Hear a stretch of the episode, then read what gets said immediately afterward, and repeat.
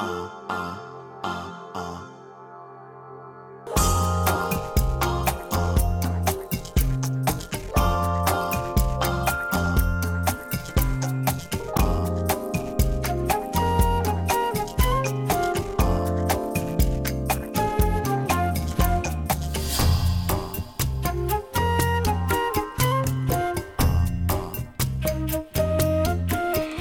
l'altre costat del fiu telefònic, doncs, saludem Rosana Lluc. Rosana, bon dia i bona hora. Hola, molt bon dia. Ens havíem quedat a les portes del...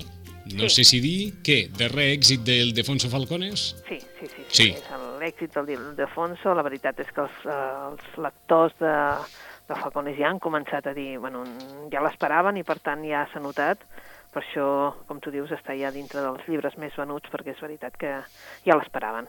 Encara, evidentment, no hi ha el boom, no?, perquè tothom són d'aquells llibres que se suposa que pel dia llibre serà un dels llibres també més venuts. Mm -hmm. uh, què ha passat aquests dies, doncs, des que el llibre ha sortit a la venda? Des que ha passat, mm, què ha passat és que doncs, eh, la gent, ja saps que ha fet un fred horrorós, està plovent, o sigui que la gent no, no, no va gaire pel carrer a comprar, i per tant és, és potser això que també fa que no, no sigui doncs, aquell boom, no? Mhm. Però de fet és veritat que també té el Victus davant, que continua fent guerra, eh?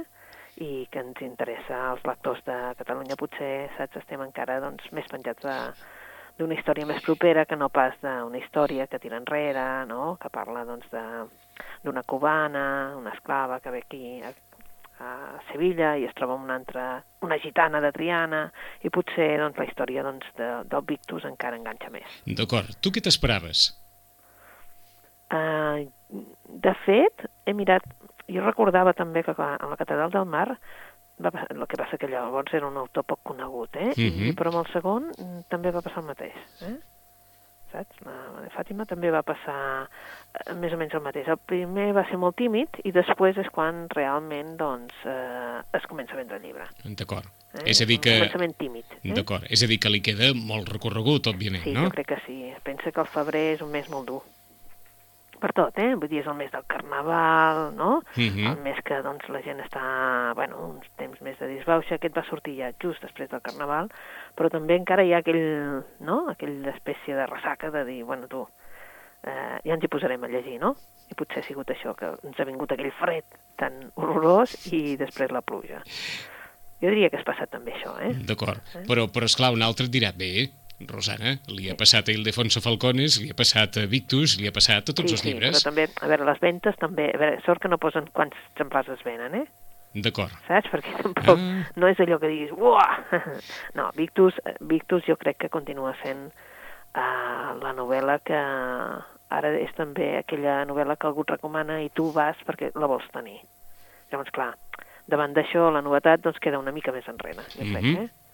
A més a més, són dues novel·les que, que totes tracten un tema històric, però, clar, són dos estils completament diferents. Eh? Està clar. Que això sí que es nota, eh? És a dir, que tu creus que per una banda, no només el, el context, sinó que per tema, Sí. el lector d'aquí li està tirant més Sí, Victus així d'entrada, eh? Cada dia tenim un motiu, eh, per llegir la nostra història. Uh -huh. Cada dia ens en donen un altre de motius, no? Està clar, està clar. Ens enterem de coses que ens passen, no?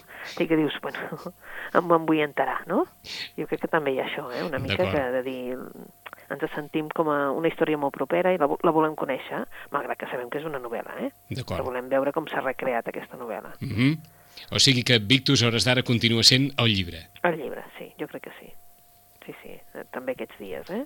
Perquè he tingut, saps allò, potser doncs, que ha baixat una setmana, que potser no, Mhm. ha baixat vull dir que no està el primer, no? Sí, sí, sí. Mm, Torna a pujar, saps allò... Mm, Però no es mou, eh? Dels cinc primers no es mou.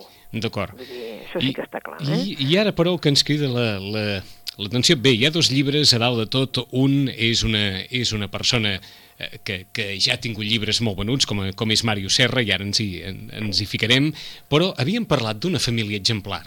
Sí, sí que en vam parlar, Sí, eh? que era aquell, aquella història no? de dues famílies eh, amb diners, Sí, que, bueno, és un metge i la filla es casa... Mm, Sí, en vam parlar que era una història doncs, molt situada a Manresa, uh -huh. però que era allò, una història, allò, eh, un tema eh, que, que, que surt de Manresa, és a dir, Mm. que, que està situada allà, però sí que és veritat que és una, allò, de les uh, famílies benestants, Mm -hmm. Uh, i és això, un- quan es casa amb un potentat, però... Mm, Ho dic saps? perquè em, em sembla que no l'havíem trobat a la llista dels llibres més No, venuts. això probablement, eh? I, I per que... això ara ens ha cridat l'atenció que està dalt de tot de, dels llibres de, de novel·la en català, una família exemplar, de Genís Cinca, un pare de família manresà, casa la filla amb un potentat, però la jugada no li surt com pretenia. Aquest és el resum, la recensió que em fa. Uh, Sí, va més enllà d'això, eh? va Vol més dir- enllà d'això, eh? Sí, jo crec que vol mostrar també la burgesia, no? Eh, Una burgesia catalana, eh? com es comporta, etc Mhm. etc. Un tema que sempre ha interessat de sempre. Sí, suposo que és això, no? Que sempre ens ha interessat aquests temes.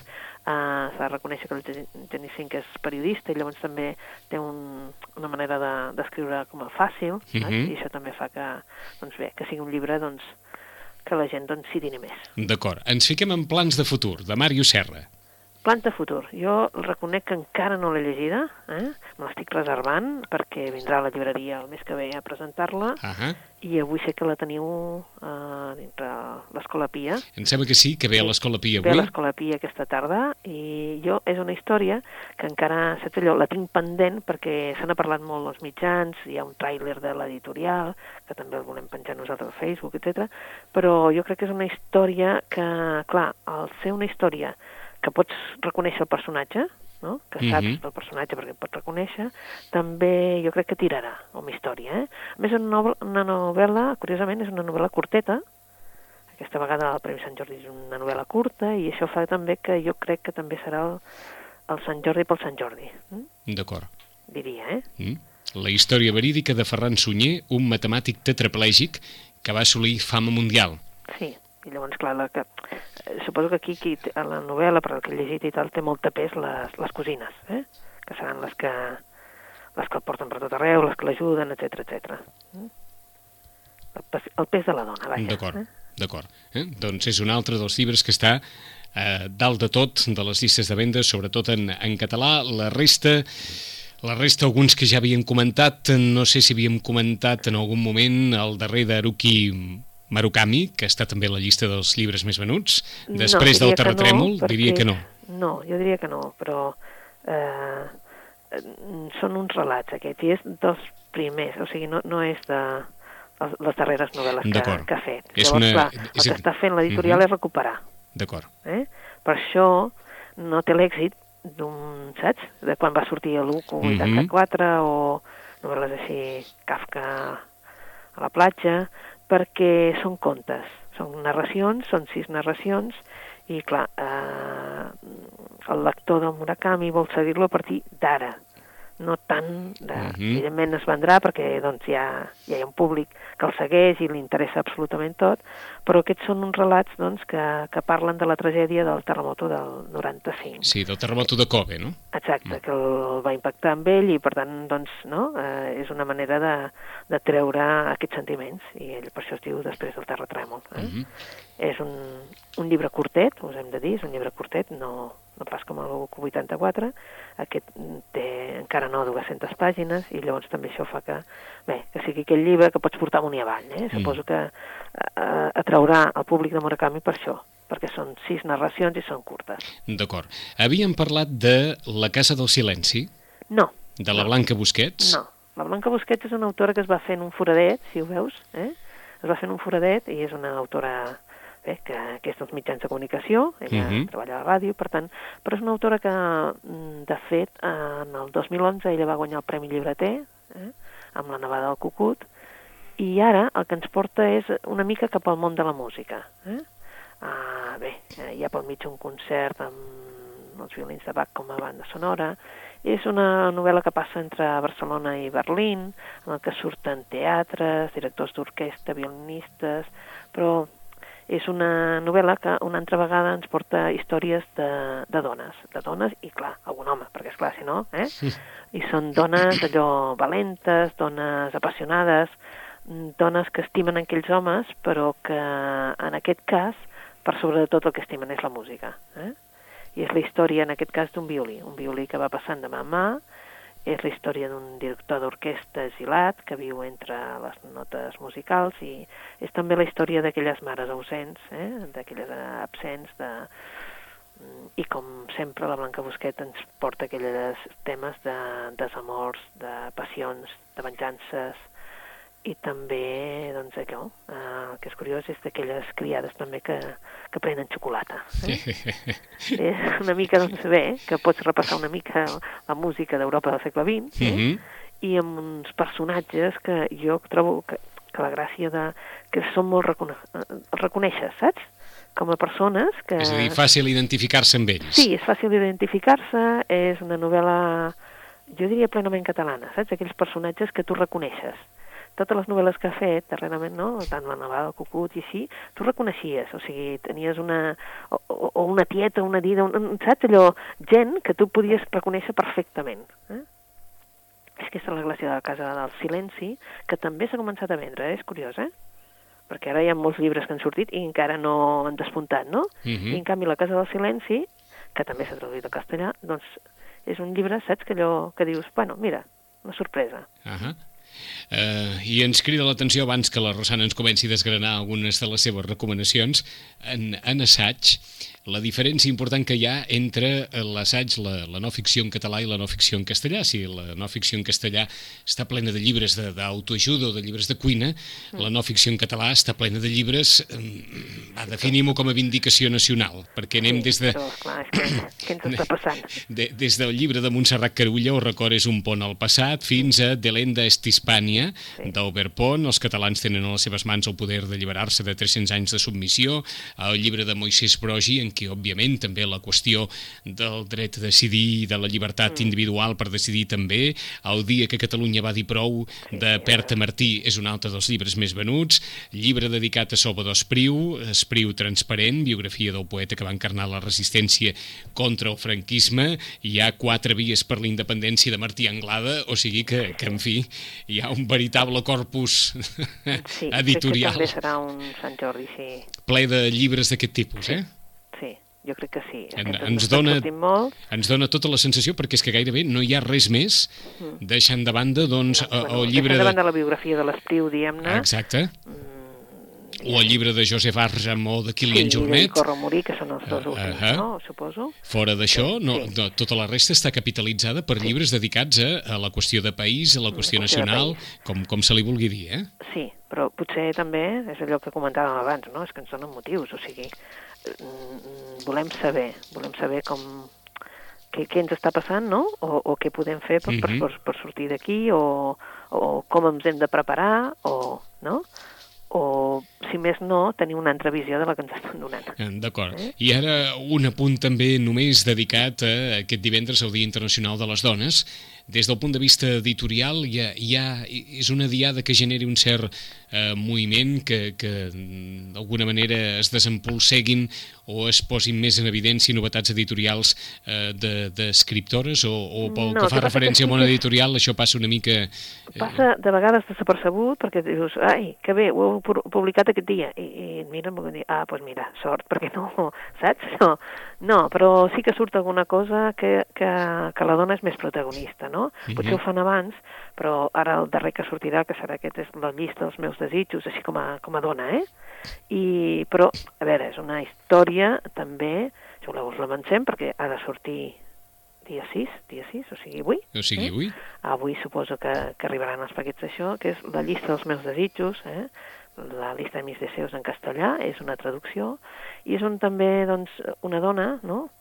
Que, li to que fa una llista dels meus desitjos, perquè tothom li diu, escolta, ella té una merceria, està a la mar de bé, el seu home, la, la filla, diguem-ne, que fa una mica la seva vida, etc.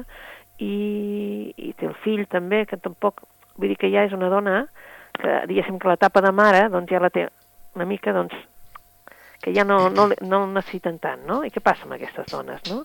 Doncs ella té una merceria, una petita merceria, i té unes amigues al costat. I ella un bon dia ha de fer una llista dels seus desitjos, perquè què passa si toca la loteria? Vols canviar la teva vida? Saps? És una novel·la molt bonica i surt justament per aquests dies, però tret d'això, tampoc no veus que sortien, saps? Allò... Fa uns anys sí que sortia, la veritat és que sí. Fa uns anys potser també pel que sigui, doncs es necessitava molt més doncs, eh, no? això de reivindicar un dia com a mínim per les dones mm -hmm. i potser sortia més. En aquest cas, ara t'haig de dir que aquest any no recordo res que diguis carai, surt això, no? No. D'acord? Però bueno, és que els editors estan bojos, pu- publicant, publicant, publicant per, Sant Jordi, eh? Vull dir que no Doncs- sé si se n'adonen, però hi ha molt, molt, molt, molta novetat. Doncs eh, fico una dona de capçalera literària, perquè també en el suplement de l'avantguàrdia apareix ella molt ben envoltada en un paisatge natural magnífic, Temps d'innocència de Carme Riera. Sí, veus, és que aquest ha, ha d'arribar. Ha d'arribar. Sí, aquest ha d'arribar. De d'arribar, hem de suposar, imminentment. Avui, no? avui. Sí, avui també? Sí. Avui. És les novetats que, que estan, saps? I és un dels llibres que també pues, coincidirà amb això, no? Amb aquest dia, però no, vaja, no tinc cap nota de cap editor dient uh, ho fem pel dia de la dona, saps? Ahà. Um, Mira que bé que ens sortirà per aquí. No, eh?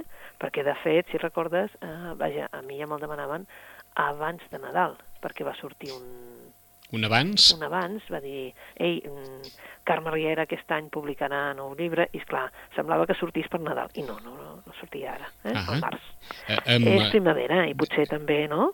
di, diuen així obertament que és una novel·la autobiogràfica. Bueno, potser, Però no? no- Potser és el que... Ho diuen gairebé des de pel que, pel que llegeixo en, en diferents pàgines d'internet, el que passa és que és tan fàcil això de dir una novel·la autobiogràfica, però mm, diu a les pàgines interiors del suplement de l'avantguàrdia Carme Riera viatja fins a l'illa que la va veure créixer als anys 50 per redibuixar paisatges pintorescos i ritus domèstics. Temps d'innocència, d'edició en 62, Alfaguara, surt avui. Sí, sí. És, eh? és que mm, s'hauria de dir que el del Fabra ja ha arribat, veus? És que és, anem, anem, anem a destens. Bueno, és pel D'acord. repartidor, eh? Eh, d'acord, d'acord. Eh?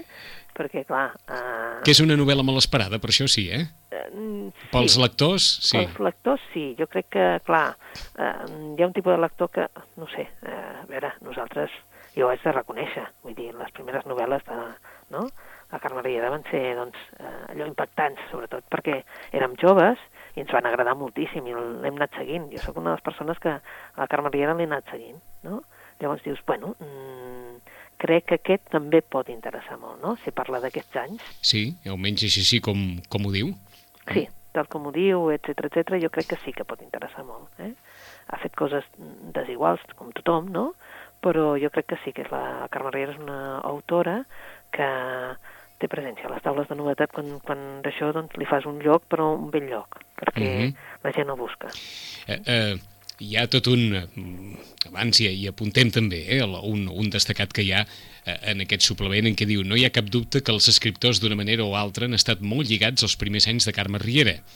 A la meva habitació, Llorenç Villalonga hi va escriure Madame Dillon, es vanta. Aquí, durant la Guerra Civil, l'àvia de la Carme va llogar al novel·lista la seva casa de Palma i el despatx que va habilitar aquest per escriure serà més endavant el dormitori de la memorialista.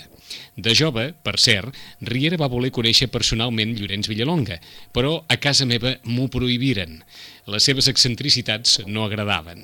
Sens dubte, tampoc no van apreciar que l'escriptor els degués algunes mensualitats i que hagués deixat l'habitatge que va ocupar no especialment net. Una altra connexió literària, que aquesta ja és per, per, per llogar-hi cadires, perquè, vaja, difícilment diríem mai que es podrien donar aquestes coincidències, però la planxadora de la casa del Riera tenia una filla que servia a casa d'Albert Camus i a les cartes que enviava a Palma des de França informava que el senyor posa banyes a la seva dona. Aquesta expressió va intrigar la petita Carme i a la seva àvia li va haver d'explicar què volia dir això de posar banyes a la seva senyora. Bé, són alguns d'aquests eh, eh, records d'infantesa que, en, que desgrana aquest article que fa referència a la nova novel·la de Carme Riera, Temps d'innocència, Tiempo d'innocència, que surt avui. Hem de suposar que en algun volum la lletra és més gran que l'altra, perquè en versió catalana són 384 pàgines i en versió castellana 256, o sigui que eh, eh, alguna forma de compaginar les pàgines deu haver aquí, com perquè en un volum n'hi hagi 120 menys que en l'altre, per exemple. sí, eh? qüestió de compaginació. qüestió de compaginació, eh? però vegades, avisem eh? per aquells que també creuen que, que a l'hora de, la, de llegir la comoditat és primordial i el tamany de la lletra també. Sí. Avisem, avisem. Exacte, sí, eh? sí. El tamany del llibre, tot el, per tant, el tamany Exacte. de, cada plana, etc. Sí, sí. Anem per les recomanacions, Rosana. Bé, sí, perquè no, no he llegit el Vanguardia, per tant, suposo que sí que ells parlen de, de les dones, però vaja, eh? Sí, hi ha tot un, bé, hi ha tot un reportatge eh, de, sobre també els homes que van donar suport a l'obra d'escriptores i pintores en èpoques de gran discriminació de, de la dona, eh, i pel que fa al llibre de, de Carme Riera, te'l deixem a tu quan el tinguis davant i que ens puguis explicar Això. eh, el que, el que t'ha semblat. Vinga, per on comencem? Vinga, per on comencem? Pues, mm, una novel·la que, que m'ha agradat molt, una novel·la especial, ja ho diem, es diu L'art de la defensa. Està publicada en català i en castellà, perquè són traduccions, i l'autor és un tal Chad Harbach. Eh? Uh, va ser un èxit, un èxit als Estats Units, ha estat un èxit, la novel·la, com la millor obra literària del 2011, crec que va ser. Eh? I és una novel·la doncs, que, eh, vaja, se la rifaven eh? quan Mhm. les traduccions, a veure qui, qui la podia publicar. Aquí, a casa nostra, Salamandra l'ha publicada en castellà i Edicions 62 ens la publica en català. I és una novel·la que, en principi, clar, com que no coneixes l'autor ni, ni coneixes res, doncs mires de què va i resulta que et parlen de béisbol i dius, ui, eh? Mm. Doncs bé, no. No només parla de béisbol, però sí que és cert que l'esport com a tal forma part de, de la novel·la. Però també aquest esperit d'esforç, de d'amistat que comporta doncs, treballar amb un equip mm, de, amb, un, amb els altres jugadors, uh, el que és el tema dels uh, que van i els, uh, els visitadors, els que miren a veure si els poden fitxar per un altre equip, etc. Sí. Tot això surt a la novel·la. Ara, uh, en definitiva, són la història de diversos personatges, uns personatges que estan totalment connectats i que anem veu veient les històries. El, el personatge principal, evidentment, és en Henry Simsander, i ell és un noi, un noi de poble, un noi que el seu pare ja ha decidit quin destí tindrà, que vol que treballi amb- ell al taller, i és clar, ell el que més li agrada és el béisbol. Amb això disfruta, juga amb l'equip local i perquè té un guà, un guà, eh, que és un guà de béisbol que realment el seu pare li va regalar quan era quan tenia 10 anys i que ell el conserva com una cosa, eh? és el zero. Eh? Mm -hmm. I ell és un noi tímid, un noi inexpert, però, vaja, mm, té un talent pel béisbol que enamorarà amb un, un altre jugador que arriba i el veu jugar i decideix que l'ha d'aconseguir per la seva universitat. Mm? És un noi que ja està fent tercer i, per tant, no el necessiten. El necessiten a la, al college, al West Sí. College, un college que ja veiem que no és de primera, però diguéssim que és també d'un poble, però que el necessiten perquè fa molt de temps que l'estrella del béisbol seu, del seu equip, no funciona i no el volen canviar. Llavors ell decideix convèncer el seu pare perquè ja sap que, no, que en Henry ja veu que el seu pare no el deixarà marxar al college i en canvi sí. Al final el convencen, pot anar al West East College, és un noi tan tímid que evidentment no farà de seguida amistats, i el posen a l'habitació, compartint habitació amb un noi que havia demanat habitació sola, és un noi gay, l'Owen, és un noi també que és tot un personatge, perquè ell el que li agrada és la lectura. Fins i tot quan està jugant, porta un llibre, tant els poemes de,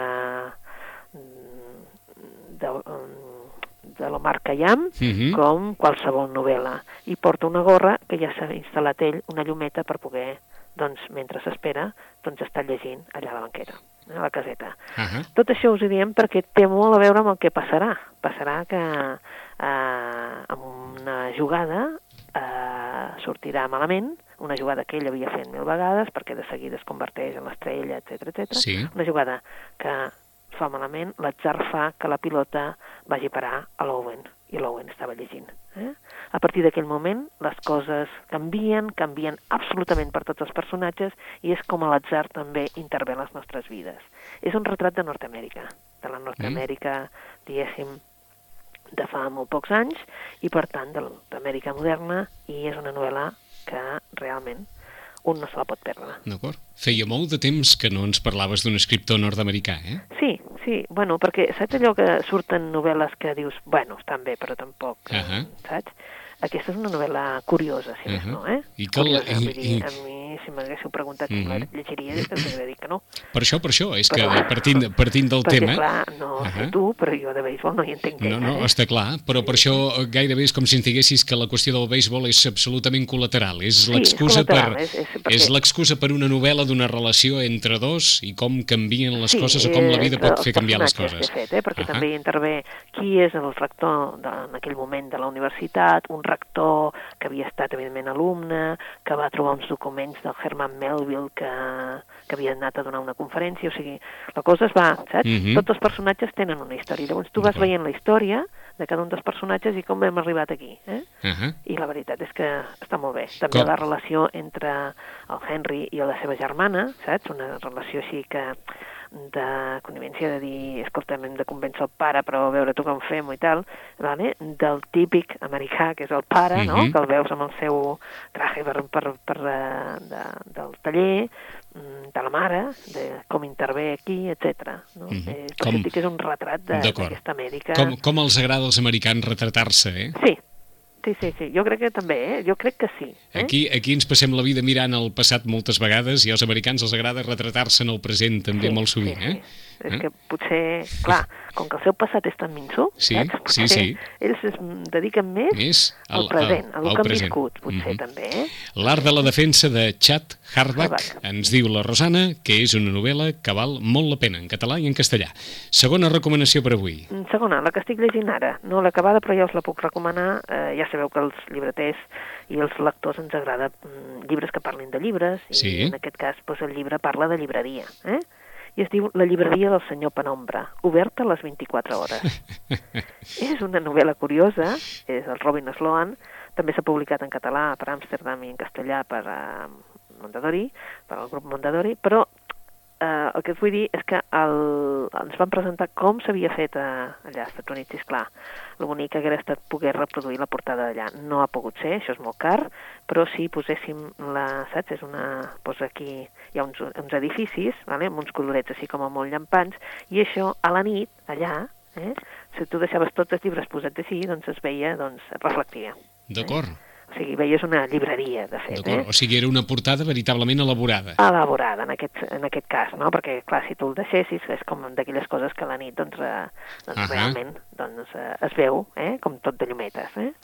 Bé, de què parla el llibre? Pues la llibreria del senyor Penombra eh, és un lloc estrany, ja ho podeu veure, eh? És un lloc estrany, estret, ple d'estanteries fins dalt, però fins dalt vol dir potser dos pisos, o sigui, no hi arribes, necessites unes escales terriblement grans, estretet, que no, no el veus quan entres, a la porta, evidentment, té un, una cosa d'aquelles perquè soni quan, quan tu entres, saps? Tot bastant redet, no? Mm, però, és clar, és un lloc estrany, però després de treballar uns quants dies, en Clay Shannon sap que és un lloc a ell li agrada treballar i, a més a més, és molt més estrany del que sembla. Eh? És, un, és una novel·la en el que doncs, hi ha això, no? conspiracions secretes, misteris, però sobretot on es parla de llibres, Mhm. llibres de paper, perquè hi ha la nostàlgia del paper, eh? i de com la tecnologia està anant tan ràpid, eh? però que alhora aquí es pot unir per créixer en un univers. Eh? Tenim pues, això, eh?